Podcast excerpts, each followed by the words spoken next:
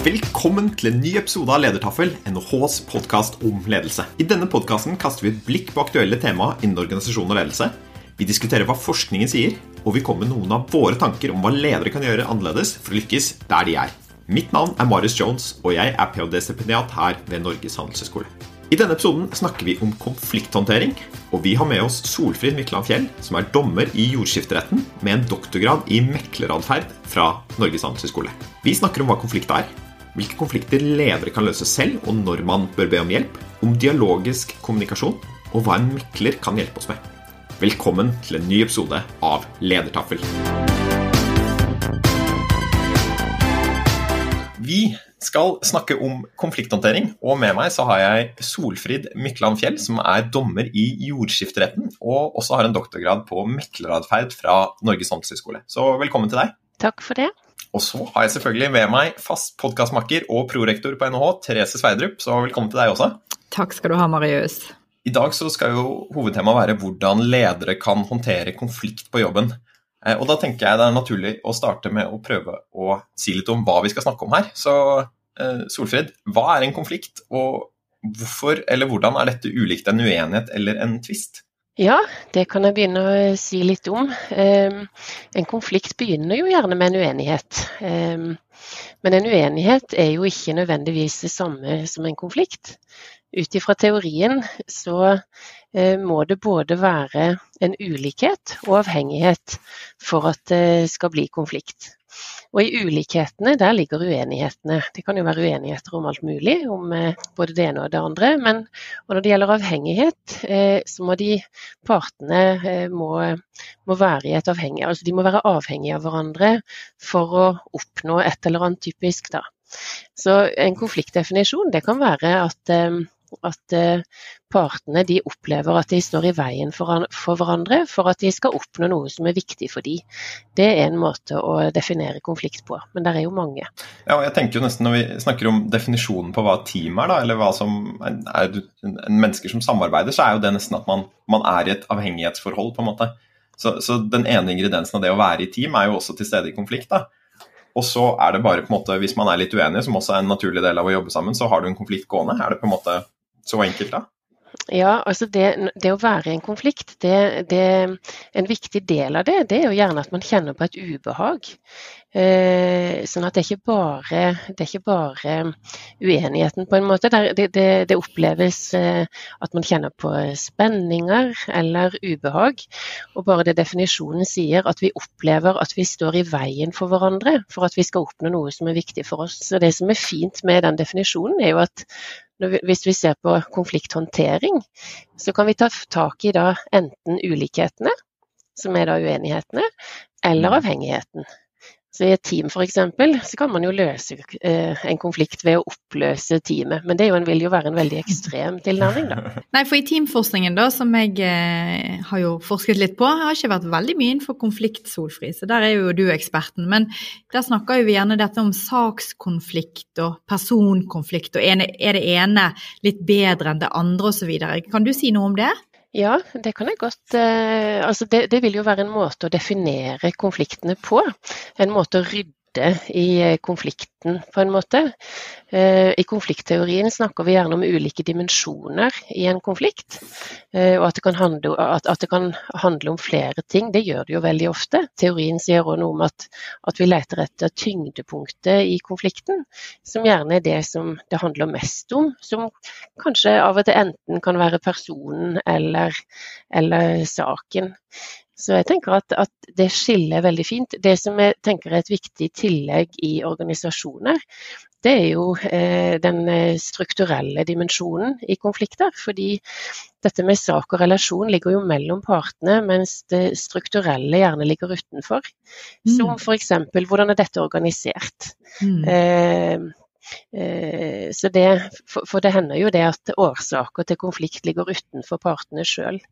Mm. Det, det, å ha åpne landskap f.eks. kan jo generere mye, mye konflikter. Eh, og det er jo ikke pga. partene, men det er jo pga. Eh, organiseringsformen eller rammene, mm. da, til og med. Ja, jeg syns det er òg spennende når jeg snakker med folk om team og forskning og sånn rundt team, og så sier noen det at jo, men det vet jo det, det er jo alltid noen veldig vanskelige personer. Sant? De der vanskelige personene må vi bare unngå. Er det, er det så enkelt? Det er det i hvert fall mange som tenker, og som assosierer konflikter med. At, at det, det, blir konflikter fordi at folk er vanskelige. Og det fins jo, det fins vanskelige folk. Men, men, men, det blir Da er vi tilbake til definisjonen av konflikt igjen. Hvis at problemet er at folk er vanskelige, så må vi jo gjøre noe med de. Eh, da må vi inn med psykologer eller psykiatere eller uh, hva det måtte være. Men, men ofte jo, kan jo det mer være et symptom mm. på en konflikt. At man, at man oppleves vanskelig fordi at det er noe annet eh, som ligger under. Så Det gjør det veldig viktig når en skal inn og jobbe med konflikter, og, få tak i hva handler dette egentlig om. Er dette bare folk som ikke liker hverandre? For det kan det jo være. Eh, men veldig ofte så er det jo andre ting som eh, ligger under eller bak. I den teamforskningen som er på konflikt og uenighet, så argumenteres det jo for at dette med uenighet ofte er et gode, og at det er noe vi trenger. Og jeg tenker jo det er et sånt ordtak som går eh, omtrent sånn her, om at hvis alle tenker det samme, så betyr det at noen ikke tenker. Og at derfor at, at vi er uenige med hverandre, er jo et tegn på at vi faktisk bryr oss om det som foregår og at vi kommer med vårt eget perspektiv. Da. Og når man snakker om hvorfor man skal ha mangfold eh, også på jobb, så argumenteres det jo ofte at grunnen til det er at da får vi jo flere perspektiver. Eh, så Sånn sett så, så, har vi på en måte tatt inn over oss at det at vi er uenige faktisk kan være en bra ting, og gjør at vi kan tenke litt lenger enn vi klarer som enkeltindivider også. Og Noe som du har snakket om, Solfrid, er jo dette her med et optimalt konfliktnivå i organisasjonen. Så altså Null konflikt er ikke det vi skal sikte på, vi skal ha litt uenighet. Kan du si litt om, om hva du tenker med et optimalt konfliktnivå i en organisasjon? Ja, det, det, kan jeg si noe om. Og nå er, jeg synes jeg det er viktig å si at det ikke er jeg som har funnet på eh, dette begrepet om optimalt konfliktnivå. For det er jo egentlig en veldig teoretisering av, av konflikt eh, i organisasjoner, tenker jeg. Og, og, det å tilstrebe et optimalt konfliktnivå tror jeg blir veldig lite praktisk. Uh, jeg syns ikke vi skal gå rundt og, og oppfordre til konflikt for å få en mer optimal situasjon. Det tror jeg de fleste vil være enig i. Men det tenker som, eh, som den eh, forskningen da, eh, på optimalt konfliktnivå, det, det, man kan hente ut av den, det er jo de to ekstremalene, på en måte. Altså, hva, hva skjer med en konflikt der, nei, en organisasjon der det ikke er konflikt i det hele tatt? Der alle er enige? Eh, for i, da, man, da, har man jo en situasjon der folk ikke gir beskjed, der det ikke er friksjoner.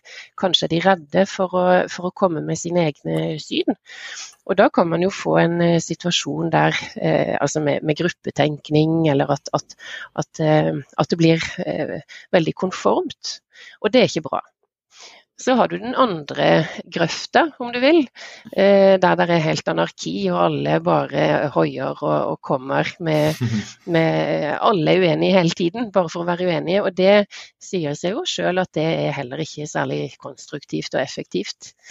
Så jeg tenker at det, dette kan bidra til en bevisstgjøring om at det faktisk er nyttig med en viss grad av friksjon, og at det for å lære, for å utvikle seg, eh, så er det viktig med med, og nyttig med, med friksjoner og, og uenigheter. Men, men, for lite av noe og for mye av noe, ingen av de situasjonene er, er særlig bra.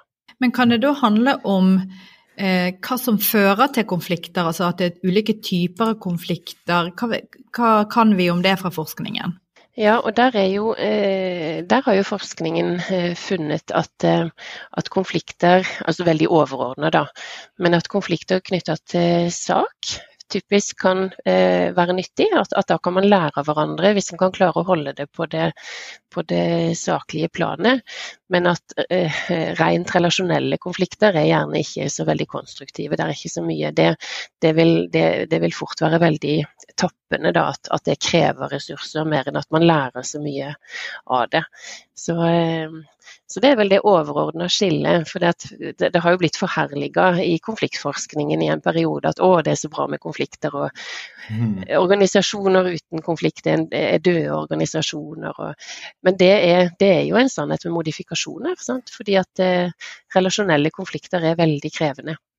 Og det er vel det som er komplisert med konflikt eller uenighet på jobb. da, At sant, det starter som denne sakskonflikten, som vi kan tenke er fint, for den får frem perspektiver, det kan hjelpe oss å tenke lengre. Men etter hvert når vi sitter her og er litt sånn uenige om en sak, så begynner vi etter hvert å tenke er det egentlig saken det handler om, eller er det at jeg ikke liker deg som person? ikke sant? Ja. Og så ser vi da sant, på disse empiriske studiene på relasjonskonflikt og sakskonflikt at de korrelerer ganske høyt. Så når team har høye nivåer av sakskonflikt, så begynner det etter hvert å spire litt relasjonskonflikt inni der også.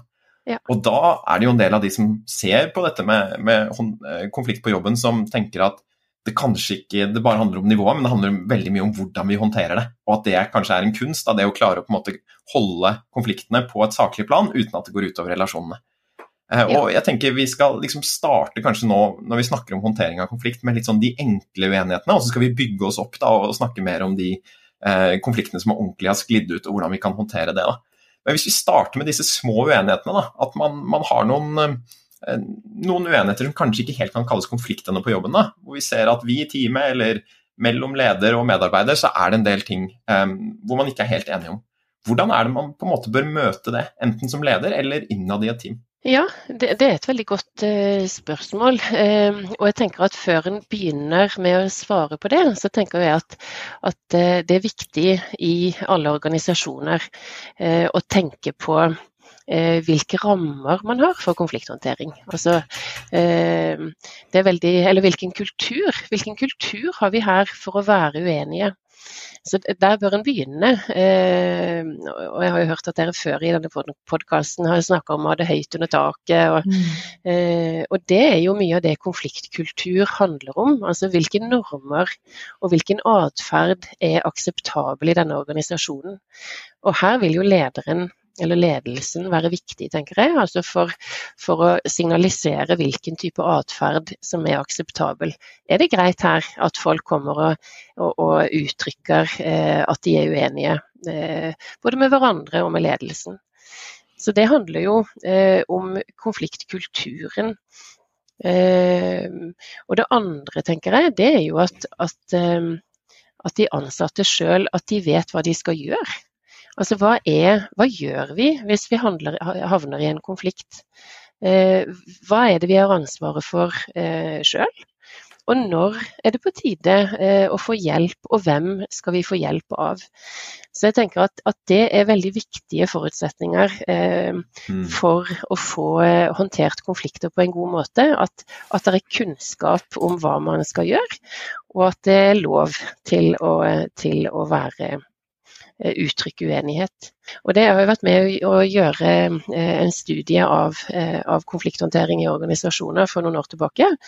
Og Det vi fant da, var jo at det var veldig stor usikkerhet knytta nettopp til det, til prosedyrer. Altså at Når vi spurte, spurte ledelsen ja, har dere, har dere prosedyrer for konflikthåndtering, ja, jo, nei, vi har jo det kanskje. men de at de typisk ligger i en skuff. At, at ikke det er godt nok mhm. kjent da, i organisasjonen hva man egentlig eh, skal gjøre. Ja, for det, det høres ut som at håndteringen av konflikt og uenighet starter før det er noe konflikt og uenighet i det hele tatt. Da. Og Hvis man da skal på en måte legge dette, denne strukturen eller denne kanskje fundamentet da, for, at, for, at, ting blir håndtert konstruktivt når det oppstår, er det noen sånne ting du anbefaler organisasjoner å gjøre? Altså Noen gode normer for dette? Og her tenker jeg som en organisasjon noen organisasjoner fremmer jo veldig at man skal være mer sånn radikalt ærlige og ta opp alt av uenigheter. Og, og det er eh, for eksempel, Her begynner jeg å tenke på en som heter Ray Dalio, som er leder for noe som heter Bridgewater Equities, som sier at eh, hos, eh, på deres arbeidsplass skal de ha sånn radikal gjennomsiktighet. Altså at ingen medarbeidere har lov til å være misfornøyd med ting uten å si fra. Så Det er lov til å være misfornøyd, men da skal du alltid si fra om ting. Eh, er det sånn du på en måte anbefaler organisasjoner å forholde seg til dette her, eller er det andre på en måte normer og kjøreregler knyttet til dette med å være uenig som, som du kanskje anbefaler? da? Ja, jeg tenker jo at, eh, at, det kommer litt an på. Eh, det kommer an på organisasjonen og, og, og, formålet, på en måte. Altså, dette er noe som organisasjoner må både vurdere og avgjøre. Hvordan vil vi ha det her? Eh, det er ikke sikkert at det passer alltid at alle er radikalt uenige eh, i enhver organisasjon. Eh, noen steder kanskje, passer det kanskje veldig bra.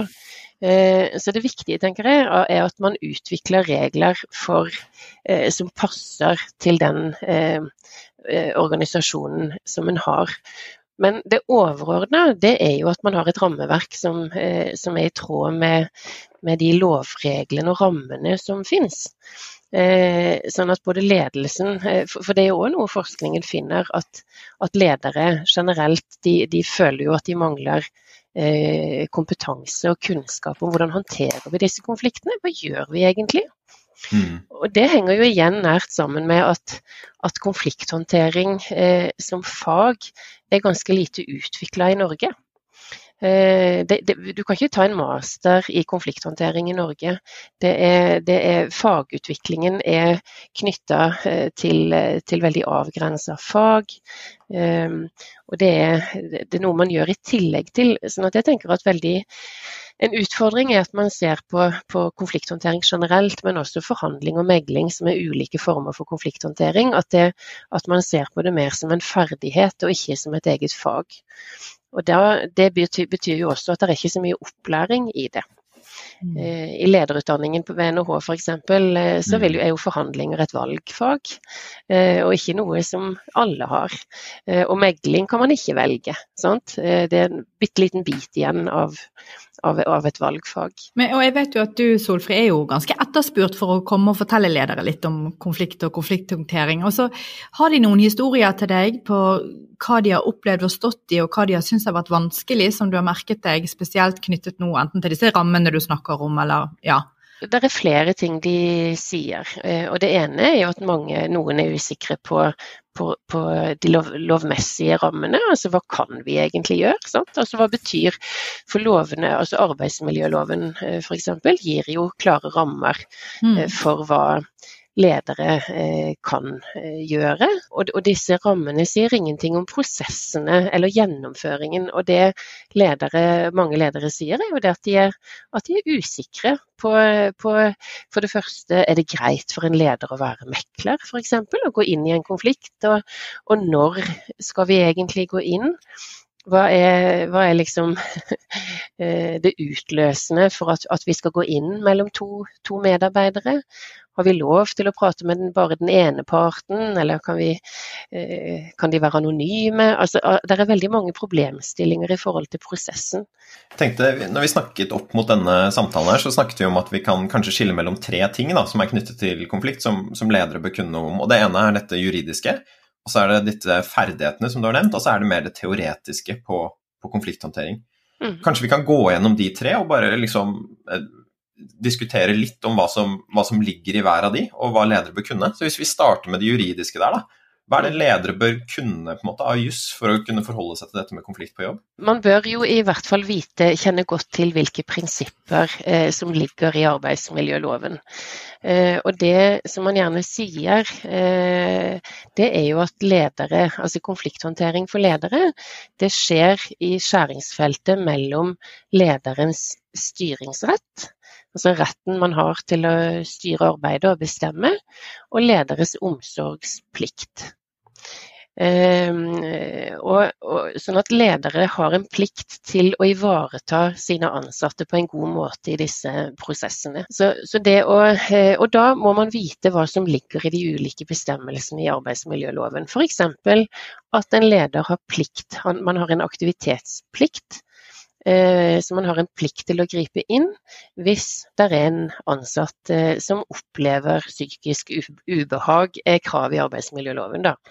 Mm. Så eh, konflikt er ikke definert i arbeidsmiljøloven, men konsekvensen av å være i en konflikt er, er, er definert. Der lederne har plikt til å gripe inn, det er når én eller flere opplever psykisk ubehag. Mm. Og det er jo en ganske streng og, og, voldsom oppgave, på en måte, men det er det som er kravet. Mm. Eh, at man skal passe på. Man skal, man skal ha omsorg for, for, de ansatte, og man skal lage regler som gjør at det er mulig å fange opp. Er det noen fallgruver eller feil som du ser at ledere gjør når det kommer til det juridiske? Når er det det på en måte går galt eh, i forhold til det juridiske når ledere skal håndtere konflikter? Jeg tror at det er flere fallgruver. Fordi det ene, og det vet vi jo fra forskningen, at, eh, at mange eh, har en konfliktfrykt, og at man, ikke, at man venter med å ta tak. At man venter med å ta mm. tak altfor lenge. Mm. Og da overskrider man jo plikten sin. Eh, men det å, å, definere bort konflikt, og det tror jeg også henger sammen med at mange definerer ikke konflikt som, som, det defineres i teorien. At, at, det er et ubehag og, og, og uenighet og avhengighet. Eh, det var også det vi fant i den studien vår som vi gjorde i 2015. At, eh, at konflikt sidestilles eller likestilles veldig ofte med, med noe veldig dramatisk. Mm. mm. At man likestiller konflikt med mer sånn eh, kamp- eller krigssituasjoner. Og det er klart, hvis man ikke går inn i konfliktene før det er full krig, så blir det mye mye vanskeligere å håndtere konflikter. Det vet vi jo, det, og det er jo også eh, ganske, ganske, naturlig å, å, tenke seg, eh, eller å se for seg. Sånn at jeg tror at det kanskje er en av de store feilene, at man bare at man ikke tar tak, eh, og at man tenker at det går vel over. Mm. Og det skal jeg love dere at det gjør det ikke. De fleste konfliktene de, de, går ikke over av seg sjøl, men de fleste går ikke over uten at de blir håndtert da, på en eller annen måte. Men det du sier det er jo, altså du peker på en hypotese om at ledere kanskje ikke tar tak. Eh, vi, vi, snur andre skinnet til, eller vi vender oss vekk og håper det går over. Men er det også sånn at ledere sant? de er travle, de løper rundt, det er mange forskjellige ting. Og det å skulle oppdage Du snakket i sted litt om at medarbeidere også har en plikt til å bringe til torgs at her er det noe. Eh, er det like mye en forklaring, eller er det mest den at vi håper det bare går over? Det, og det kommer jo igjen an på hvilken type eh, organisasjon vi har, mm. Eh, og hvor mange man, man, har ansvar for. Men det er klart hvis ikke man kan ha den oversikten sjøl, så er det jo no, noe, lage, noe, med å lage et system. Mm. Altså igjen at, at, det er kjent at at disse prinsippene er kjent i organisasjonen, og at vi, partene, hvis partene er godt informert om hva de skal gjøre, så kan de mye lettere å gi beskjed. Mm. Eh, for det tror jeg òg mangler i veldig mange organisasjoner. At hvis noen havner i et uføre, at de, at de havner i en situasjon de syns er ubehagelig, og som, som ikke de klarer å ordne sjøl, så vet de ikke helt hva de skal gjøre. Altså, Hvem mm. henvender jeg meg til? Går jeg til HR-avdelingen? Ja, ja, vi har jo ingen HR-avdeling, hvem, hvem, går jeg til da? Altså, mm. hvem, hvem, henvender jeg meg til for å få hjelp? For det er jo det som er med konflikthåndtering, at vi skiller jo mellom disse tilnærmingene der man kan håndtere det selv, og der man må få inn bistand fra en tredjepart. Og så lurer jeg på det der med, kall det en tredjepart, en kollega, sant? som mm observerer at noen har en konflikt, skal vi da gripe inn eller fortelle til leder, eller har du noen tanker om det perspektivet? Altså, jeg tror jo at man som eh, kolleger eh, kan gjøre en veldig viktig jobb, og, og, kanskje om ikke annet så gjennom å bry seg. Mm. Hvis at man ser at noen ikke har det bra, og at man kan spørre eh, og, og, og, lytte. Eh, og, eh, for ofte altså der er jo, eh, Jeg tror at det foregår veldig mye uformell konflikthåndtering. Det er veldig mm. lett for å tenke på konflikthåndtering som veldig sånn formaliserte prosesser og, og inn med advokater eller HR eller men, men veldig mye konflikthåndtering kan jo foregå fordi at en tredjepart, en, en, kollega, en venn fra begge eh, sider kanskje, går inn og, og hjelper til med, med kommunikasjonen. For det er jo veldig ofte det som går galt først. Ja, for Det er jo litt på siden av, av, det juridiske her, men også med noe ganske viktig da, som handler om disse ferdighetene for å mm. hjelpe noen nøste i en konflikt. Da. Og mm. Kan man si noe generelt om hva slags ferdigheter det er? Så Hva er det på en måte ledere bør lære seg ferdigheter for å være gode til å håndtere konflikter på jobben? Ja, eh, der er det litt forskjellige eh, eh, type ferdigheter. Det, men det er jo også knytta til hvilke roller man tar som mm. konflikthåndterer. Sant? Fordi at, at der er jo som leder kan man ta ulike roller. Man kan, man kan eh, bestemme at den rollen den har ikke jeg, den har jeg satt ut. Altså den har jeg, får jeg hjelp til. Så det kan, man, det kan man jo tenke. Men man kan også tenke at eh, lederen eh, går inn som en, en megler at man går inn og, og, legger til rette for en dialog mellom partene. For dette er jo det megling betyr. At man er en hjelper, en dialoghjelper. Det er jo det som megling betyr i sin aller enkleste forstand. Eh, og skal man legge, gå inn og, være, og legge til rette for dialog, så må en jo kunne noe om dialog. Og det handler jo om å få partene til å lytte, hverandre, lytte til hverandre og ta hverandres perspektiv. Og, så her er det en rekke ferdigheter som er veldig knytta til, til, til, denne, dialogen, da. eh, og få, få, den i gang igjen. Så kan man tenke at en, enda en rolle for en leder kan jo være at man en, går inn som en dommer, på en måte, og går inn og hører de, lytter til de, og så, og så bestemmer en i etterkant, altså mer ved å bruke styringsretten. Og da, da er det jo andre ferdigheter igjen. Da, da skal man jo avgjøre på deres vegne. Eh, men da er man også avhengig av å lytte. Mm. Lytte til de og, og, høre hva For å få et inntrykk av hva dette egentlig eh, handler om. Nei, for jeg tenker jo på, Nå har du snakket litt om at lederen kan gå inn og se på en konflikt om det er to kollegaer, men hva hvis det er en konflikt med leder? Sant? En medarbeider som har en konflikt med leder, og ja. ledere gjøres oppmerksom på det og, og skal stå i det. Sant? Vi snakker jo litt om det der å kjenne seg sjøl og ja, hva tenker du om de prosessene? Jeg tror jo mange ledere der ute helt sikkert. Sant? Vi, vi gjør jo våre feil, og det kan bli misforstått, og så står vi der i en konflikt. Hva, hva handler det om? En stor fare ved det, tenker jeg. Altså, det blir jo en veldig ubalanse i relasjonen. Mm. Det det. Eh, fordi at medarbeideren eh, har jo en underordna rolle. Eh, og lederen har også makt til å avgjøre dette her. Mm. Eh, i, I kraft av styringsretten sin.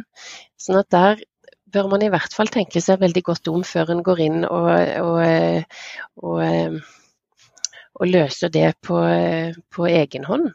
Eh, for, for, det handler jo også om hva betyr det egentlig å få løst en konflikt. Så hvis at lederen prøver å, få, å, å håndtere dette selv, og, og, medarbeideren bare gir seg for å, fordi at man er redd eller for å få fred, eller, så kan konflikten like fullt leve videre. Det høres jo ut som det med å være måte, flink til å snakke med folk man er uenig med, er en ferdighet som er, kan være nyttig i flere situasjoner. Både hvis du er i konflikten selv, men kanskje også hvis du skal hjelpe noen andre på en måte snakke sammen. Og Da er det jo ett begrep som er dette med sånn dialogisk kommunikasjon, da, som eh, du nevnte også litt tidligere, Solfrid. Som kanskje er en måte å snakke sammen på som kan være nyttig der. Og Vil du si litt hva den består av? Altså, Hvordan ser det ut når man forsøker seg på dette med dialogisk kommunikasjon med hverandre? Ja, det kan jeg godt si litt om. Og det er jo eh, en av mine favoritteorier, på en måte. Altså dette med dialogteori, For den er så veldig praktisk eh, anvendbar i konfliktsituasjoner. Og den sier også veldig mye om hva det er som egentlig kan gå galt eh, mellom parter. Fordi at at jeg tror jo ofte ikke det er mangel på kommunikasjon som gjør at det blir konflikter, men jeg tror at det er feil kommunikasjon, eller at man går totalt i baret. Det, det er, jeg tenker at kommunikasjon er rene høyrisikosporten. sant? Um, og de partene jeg møter til dagen, disse naboene som er ute og, og hjelper, uh, veldig, veldig ofte så er det kommunikasjonen som er gått galt. og de ja.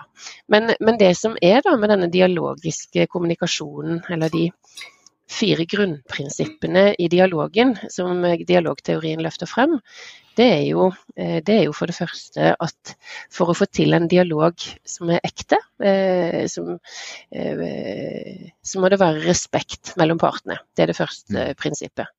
Og dette med respekt, det føler jeg, det er min opplevelse i hvert fall, at det er noe av det første som forsvinner mellom partene. Sant? At mm. de, de, mister respekten, og i verste fall ser de ikke på hverandre som eh, mennesker, nesten. Altså at de, at de blir veldig hatske mot hverandre. Så dette med å få eh, å ha en respektfull tilnærming, det er det, er det ene. Eh, det andre det er jo at man evner å lytte, mm. og det er kjempevanskelig. Det, det, er supervanskelig, og det er skrekkelig mye latelytting eh, rundt omkring. Eh, ikke bare i konflikter, men, eh, men i, i, samtaler generelt, tror jeg. At vi, vi, lytter, vi hører faktisk ikke skikkelig etter. Sånn at det å evne å lytte og høre godt etter hva disse partene sier, det er en, en, veldig viktig del av, av, av dialog. Så respekt, eh, det, det å evne å lytte. Eh, det tredje handler om å ta ulike perspektiv, og ha evne til å ta ulike perspektiv. Og igjen, eh, så det er noe jeg jobber veldig aktivt med i meglinger, å få partene til å, til å se saken fra den andre side. For det er jo noe som går rett ut vinduet i konflikter, at man ser bare sitt eget, sitt eget perspektiv. Mm. Og det siste punktet, det er at man eh, snakker ærlig. at man sier det man mener. Og det er jo også noe mange ikke tør, gjerne når de er kommet i konflikt, fordi at de er redde for at hvis de sier hva de egentlig mener, eller hva de egentlig trenger, så vil det kunne bli brukt mot dem. Mm. Så, så, det er òg en veldig viktig del eh, i konflikthåndtering å jobbe med å få tak i Men, men hva, er dere, hva, er det dere, trenger, egentlig? Altså, hva er mm. viktig for dere? For det, det å være tydelig på hva det er man trenger, det er jo helt avgjørende informasjon å få frem for å få vite hvordan kan vi få til å løse dette her på en måte som faktisk løser det, og ikke bare late løser det. Veldig ofte kan man, eh, kan man, stå i fare for å ta tak i symptomene heller enn det underliggende. For jeg får et litt sånn bilde av sånn, et sånt isfjell når du snakker nå, i hodet, på en måte. At man kan si at det er noe man ser som ligger over uh, havoverflaten her, som kanskje er det man krangler om, som er disse symptomene du snakker, og så er det noe som på en måte ligger under her da, og murrer, som er den egentlige måte, årsaken til konflikten. Og Er det litt sånn man går inn når man da skal være megler eller står i konflikter selv, og prøve å grave seg nedover og prøve å finne ut hva er det som egentlig som gjemmer seg under her, da, som vi egentlig er uenige om? Ja, og det er en veldig morsom metafor, for dette er en metafor som brukes i teorien. Eh, denne isfjellmetaforen. At, eh, at, eh, at, det egentlige, altså et isfjell Jeg tror, jeg tror vi ser 10 av det isfjellet i, i, i, i praksis. Eh, og det er veldig overførbart. En veldig fin metafor på mm. konflikter. Mm. Og det å tenke på altså det, Og det vi ofte det vi ofte gjør i konflikter eh, når, kommet, altså når konflikten er et faktum, det er jo at vi fokuserer på, vi, på, på, krav. Hva er det vi krever, hva er det vi vil ha? Sant? Rettighetene våre. Eh, og at vi går inn i posisjoner. Det er dette vi, vi skal ha. Men det vi jobber med i konflikthåndtering eh, som, eh, i en meglingssituasjon For en megling er jo da basert på Der jobber en med interesser. Mm. Hva er det partene trenger? Da må vi, spørre, da, da må vi grave nedover. Mm. Mm. Ja. Og da er det to ting eh, som er kjempeviktige. Og det er eh, det å være nysgjerrig. Altså at, at, man er, at, man er, nysgjerrig i spørsmålsstillingene, og at man, at man er åpen. Sant? Fortell meg mer om det. Jeg hører du sier at du vil ha en million, men fortell meg mer om hvorfor, hvorfor, hvorfor det er viktig. Hva er, det, hva, er det andre ting her? Eh, sånn at det at man spør eh, hvorfor det, altså at man prøver å brette ut bildet, det er kjempeviktig for å få tak i hva det er som er de underliggende problemstillingene. Mm. Når du snakket om den eh, dialogiske kommunikasjonen og de fire stegene i det, jeg syns jo det var veldig fascinerende, og, det høres jo veldig logisk ut å jobbe på den måten. Men jeg merket jo meg òg, som du sa, at den kan være veldig god å bruke når du er en slags mekler en tredjepart. Altså det er det jeg tenker, Hvis du som leder opplever konflikt, eller to parter Hvis jeg opplever en konflikt med deg da, Solfri, klarer jeg å ta på det dialogiske perspektivet når vi skal løse det, eller trenger vi denne tredjeparten for å gå Sant? Respekt, lytte osv. Har du noen mm. tanker om det? Det mm, tror jeg handler veldig mye om, eh, om hvor eskalert konflikten er. Mm. Eh, vi har jo en modell i konfliktteorien som heter konflikttrappa. Mm. Uh, og den begynner jo da i trinn én med at det er en uenighet. Uh, og så allerede i trinn to så går det fra uenighet til å fokusere, altså går det fra sak til person i, i mm. trinn to. Mm. Og så i trinn tre baller det på seg, og det er flere ting som er galt enn bare det ene. Og i trinn fire så oppgir en dialogen. Da slutter en å prate sammen. Mm, mm. Så jeg tenker at eh, i trinn fire, altså når ikke det lenger er en direkte dialog, da trenger en hjelp fra en megler f.eks. Mm. Eh, men før det, altså så prøver en jo eh, Når en forhandler, man kan jo bruke forhand direkte forhandlinger som en måte å håndtere konflikter på eh, med, med, med, noen andre. Eller hvis at du og med Therese var uenige og, og sinte, og, så kunne vi prøve å løse det sjøl gjennom forhandlinger. Og da, vi, da, er jo, da, er det de samme prinsippene som gjelder, at vi må lytte til hverandre, og vi må prøve å ta hverandres perspektiv, og vi må, vi må avdekke interessene. Mm. Men jo sintere en blir, altså jo mer emosjonelt eskalert en blir, jo vanskeligere blir det. Mm. Så det vi pleier å si, er at, at, det er i hvert fall nødvendig med megling, med hjelp, eh, når konflikten er forbi trinn fire. Da, når ikke de mm. prater lenger sammen sjøl. Jeg husker jo du hadde, når jeg skulle spørre deg om vi har jo, Det er jo ikke noe hemmelighet at vi har tatt doktorgrad på NHH begge to, så vi kjenner hverandre fra den tiden. Og du fortalte meg om du var inne på forhandlingskurs, og du fikk studentene til å sette seg Altså du drev med rollespill, rett og slett. sant? Du måtte sette deg i den andre persons stol og, og komme med de argumentene de brukte mot deg. Og det er en veldig kraftfull eh, måte å, å, tilnærme seg konflikten på, at du rett og slett må spille den andre. Ja da, ja, og det er, øvel, det, det er akkurat som du sier at det er en veldig kraftfull øvelse. Fordi at argumentene høres ikke alltid like gode ut når det er noen andre som sier de. de høres mye bedre ut når en sier de sjøl. Mm. Sånn det er en sånn fin test på kvaliteten i argumentene, da, om du vil. Mm. Eh, akkurat det. Jeg tenker vi kan, vi kan, jo bevege oss litt opp denne konflikttrappen nå, da, for nå har vi snakket litt om kanskje hvordan vi kan snakke med hverandre hvis vi blir uenige, og, og også hvordan vi kan, kan, hjelpe hverandre litt. Og Hvis vi sier at vi på en måte har kommet opp på dette fjerde steget, da, hvor dialogen bryter ned, eh, da er det kanskje behov for en sånn megler. og Tenker du at dette er noe ledere bør påta seg selv, eller er dette da en ekstern part man bør hente inn, som på en måte er mer spesialist på dette med å håndtere konflikter? Hvis, vi, går, eh, hvis vi eh, snakker litt om hva en megler egentlig er, mm. Eh, så er jo en megler en hjelper. Det er en, en tredjepart. Og ut ifra teorien så er liksom idealbildet av en megler det er en person som ikke har egne interesser i utfallet. Mm. Allerede der vil jo en leder ha en utfordring. Mm. Fordi, at, fordi, at, man er så involvert i, eh, i, eh, og, eh, i partene, skulle si, og at man vil helt klart ha en egen interesse i både at dette løses, og kanskje på hvilken måte det løses. Så I utgangspunktet så skal jo da lederen være en eh, som ikke har egne interesser i dette. Eh, I tillegg så er det veldig viktig at partene har tillit til megleren. Uh, og det kan de jo ha uh, i, um, til, til, lederen, men ikke, kanskje ikke alltid. Det at lederen har den rollen som den har, og i tillegg har myndigheten til å avgjøre saken hvis ikke de blir enige. For det er jo det som ligger i styringsretten, som er, som er avklart gjennom rettspraksis. At lederen har rett til å Eh, til å bestemme eh, hva utfallet av en konflikt skal være. Den, den er jo veldig vidtgripende, den styringsretten. Så, så, er det i hvert fall utrolig viktig å være bevisst hvilken rolle man har når en da mm. går inn eventuelt som megler. Så, eh, så igjen, litt avhengig av om, om organisasjonen er stor eller, eller liten. Noe kan man nok gjøre, men jeg ville vært Eh, jeg ville nok eh, tenkt at, at det ville være fornuftig at en annen tok den rollen da, som, eh, som megler, i hvert fall til vanlig. Men en utfordring er jo at man gjerne ikke har den type roller i organisasjoner. Så jeg tenker at det er en viktig utfordring til, til enhver organisasjon. Altså hvordan, hvordan kan vi gjøre det her på en best mulig måte? Har vi noen her? For igjen, det trenger ikke være en profesjonell megler. Eh, men det må være en tredjepart som, eh, som partene har tillit til. Det, det, er jo Formålet med en megling er jo at partene selv skal bli enige.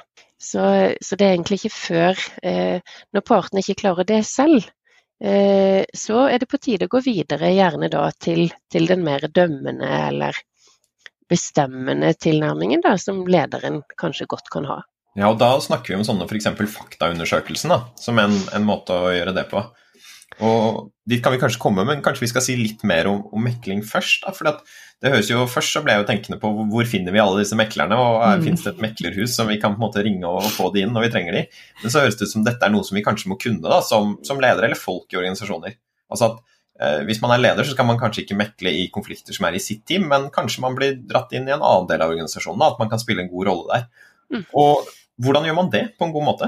Har du noe å si om måte, hva som er god mekling? Hvis jeg kan gå tilbake til den generelle utfordringen med megling, eh, og det eh, snakka vi også om i går, at, eh, at, at, jeg tenker at Norge er jo et litt på en måte et slags u-land i forhold til megling.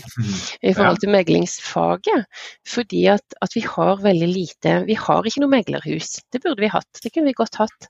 Vi har veldig få i Norge som jobber kun med megling. Eh, og at megling da blir eh, sett på noe man veldig gjerne gjør i tillegg til alt mulig annet. Dommere megler i tillegg til å være dommer. Eh, de har en og en halv dags obligatorisk opplæring, men det er ikke obligatorisk før man begynner å megle. Det er bare et eksempel fra domstolene. Advokater kan, kan ta, bli sertifiserte som meglere etter fem dager på kurs. Så det er jo ikke akkurat den store fagutviklingen eller kravene til, til meglere foreløpig. Det tror jeg og håper jeg vil komme eh, etter hvert. Men, kan, eh, bare for å skyte inn der, Solfrid, for jeg vet jo mm. litt om dette, at du kan litt om hvordan det er i Danmark. Bare for å ta kontrasten, hvordan er det der? Ja, men Vi skal ikke lenger enn til Danmark. Der har de en egen master i konflikthåndtering, eller i konfliktmegling, da, som det mm. heter der. Eh, så der er det, er, jo, er det, mye mer profesjonalisert. Eh, I Norge har vi, vi, har, vi har ikke det i Norge enda. Eh, så, og med den faglige profesjonaliseringen eh, innenfor meglingsfaget, når det er faktisk utdannelser å ta, så tror jeg at det vil spille over på kravene det blir stilt da, til meglere rundt omkring. Mm. Eh, for dette du sa, Marius, at ja, dette med faktaundersøkelser kan vi ta seinere, og det kan vi godt. Men, men, men, faktaundersøkelser er liksom det er et av de eneste verktøyene vi kjenner til som vi kan kjøpe inn i en organisasjon hvis det er trøbbel. Ja, og da kan vi ringe noen der ute som, som kan ja. det ordentlig. Ja, som kan faktaundersøkelser. Men, men det er jo ikke så veldig mange andre verktøy hadde man da hatt et meglerhus, eh, så kunne det vært eh, et annet verktøy.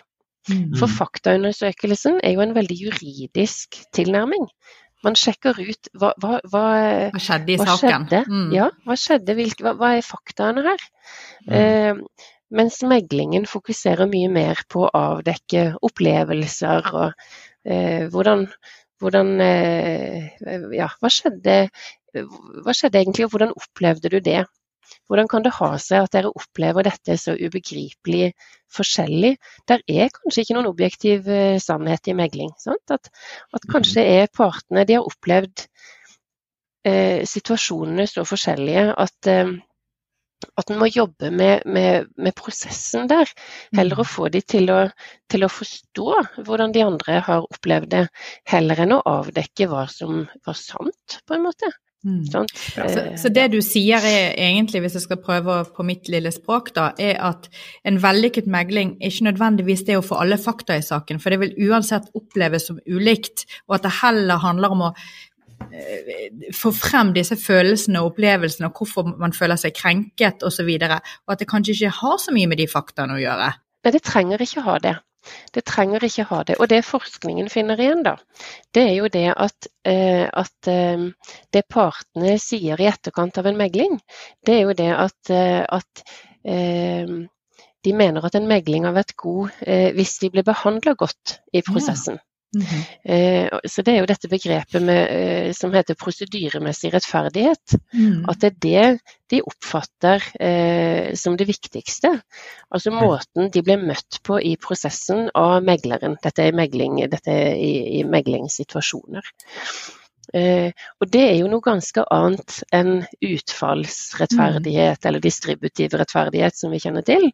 Eh, som knytter seg veldig til løsningen. Mm.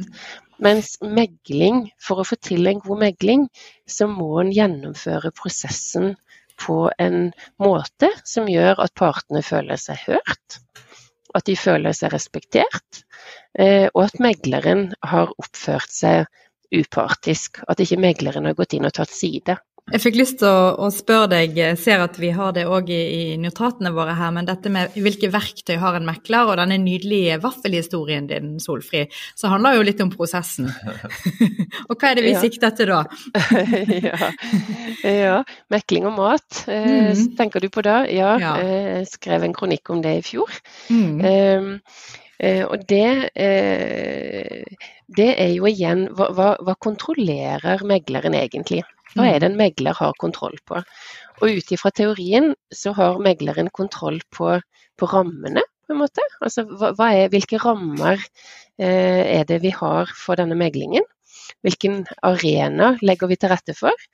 Og så er det prosessen der man legger til rette for dialogen. Mm. Men dette med megling og mat, altså dette med, med, servering, det er jo noe med hvor, hvor møter vi partene hen Mm. Eh, eh, har det en betydning hvor vi møtes, og eh, om det blir servert kaffe og sjokolade, eller eh, Og den historien du viser til, er jo da en megling jeg hadde eh, som, som var ute på en, på en, forblåst øy på Vestlandet, og partene hadde vært ute og de hadde, de hadde krangla hele dagen. Og så kom vi inn, og, og det ble servert vafler. Eh, og da endrer fokuset til partene seg fra å krangle om, eh, om eh, denne situasjonen, til å bli veldig opptatt av eh, å, å sende hverandre vafler og syltetøy og sukker. Og, og dynamikken endrer seg helt markant.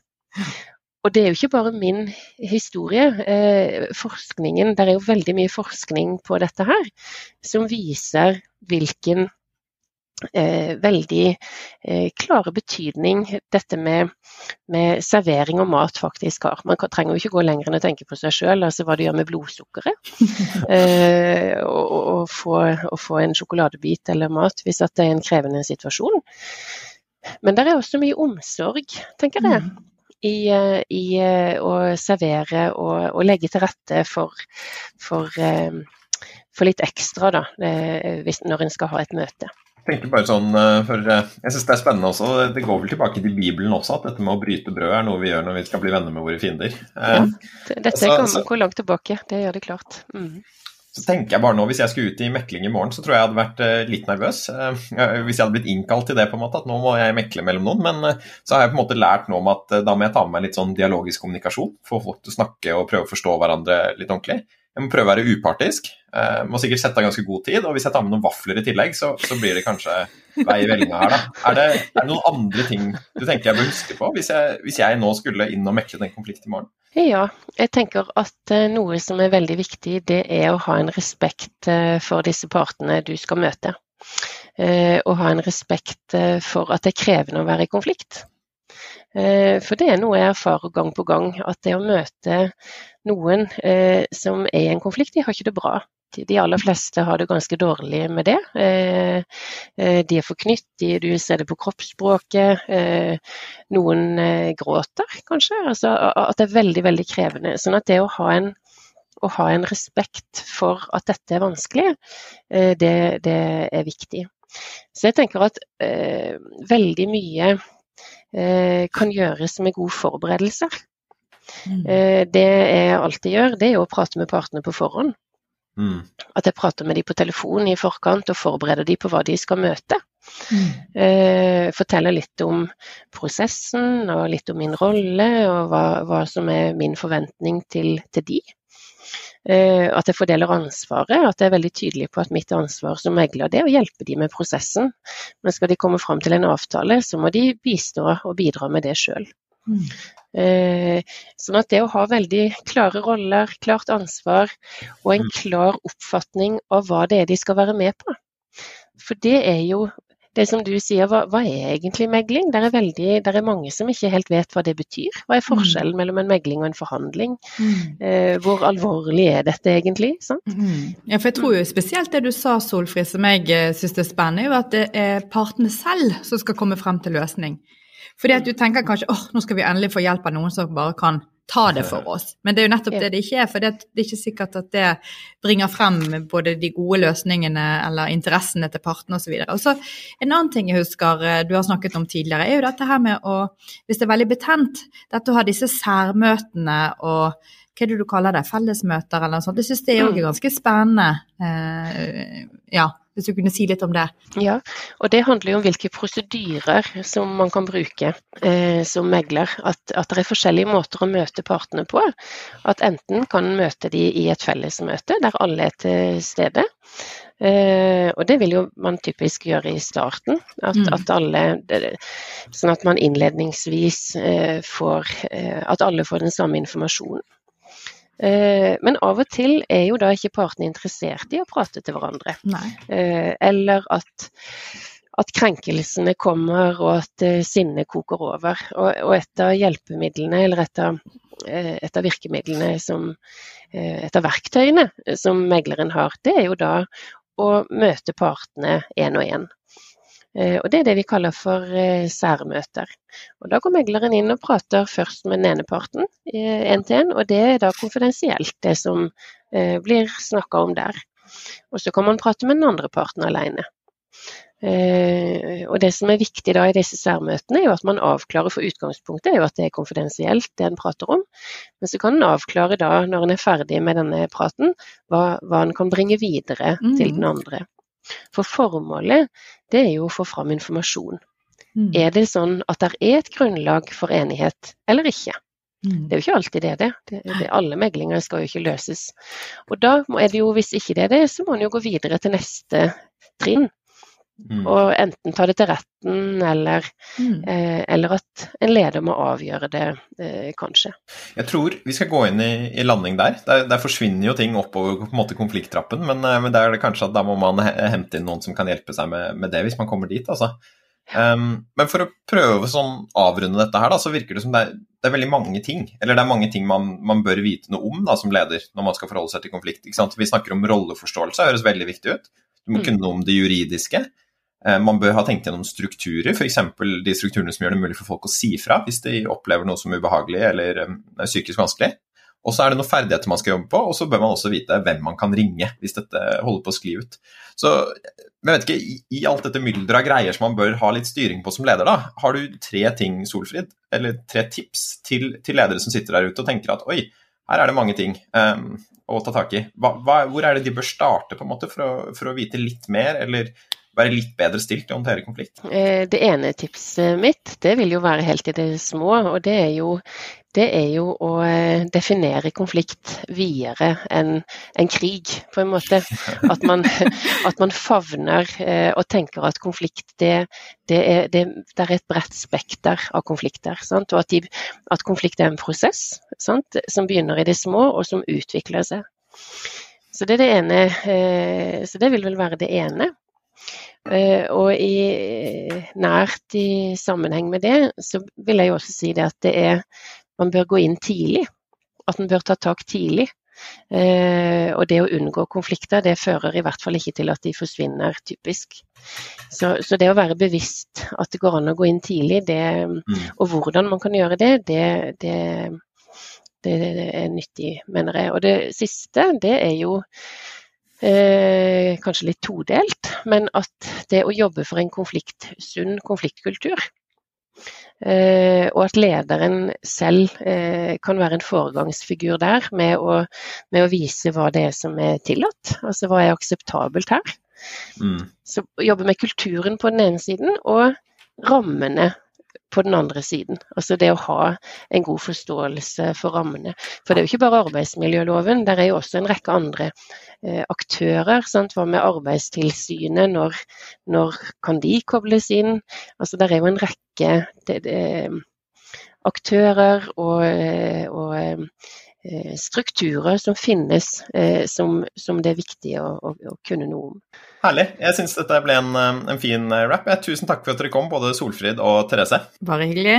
Ja, takk.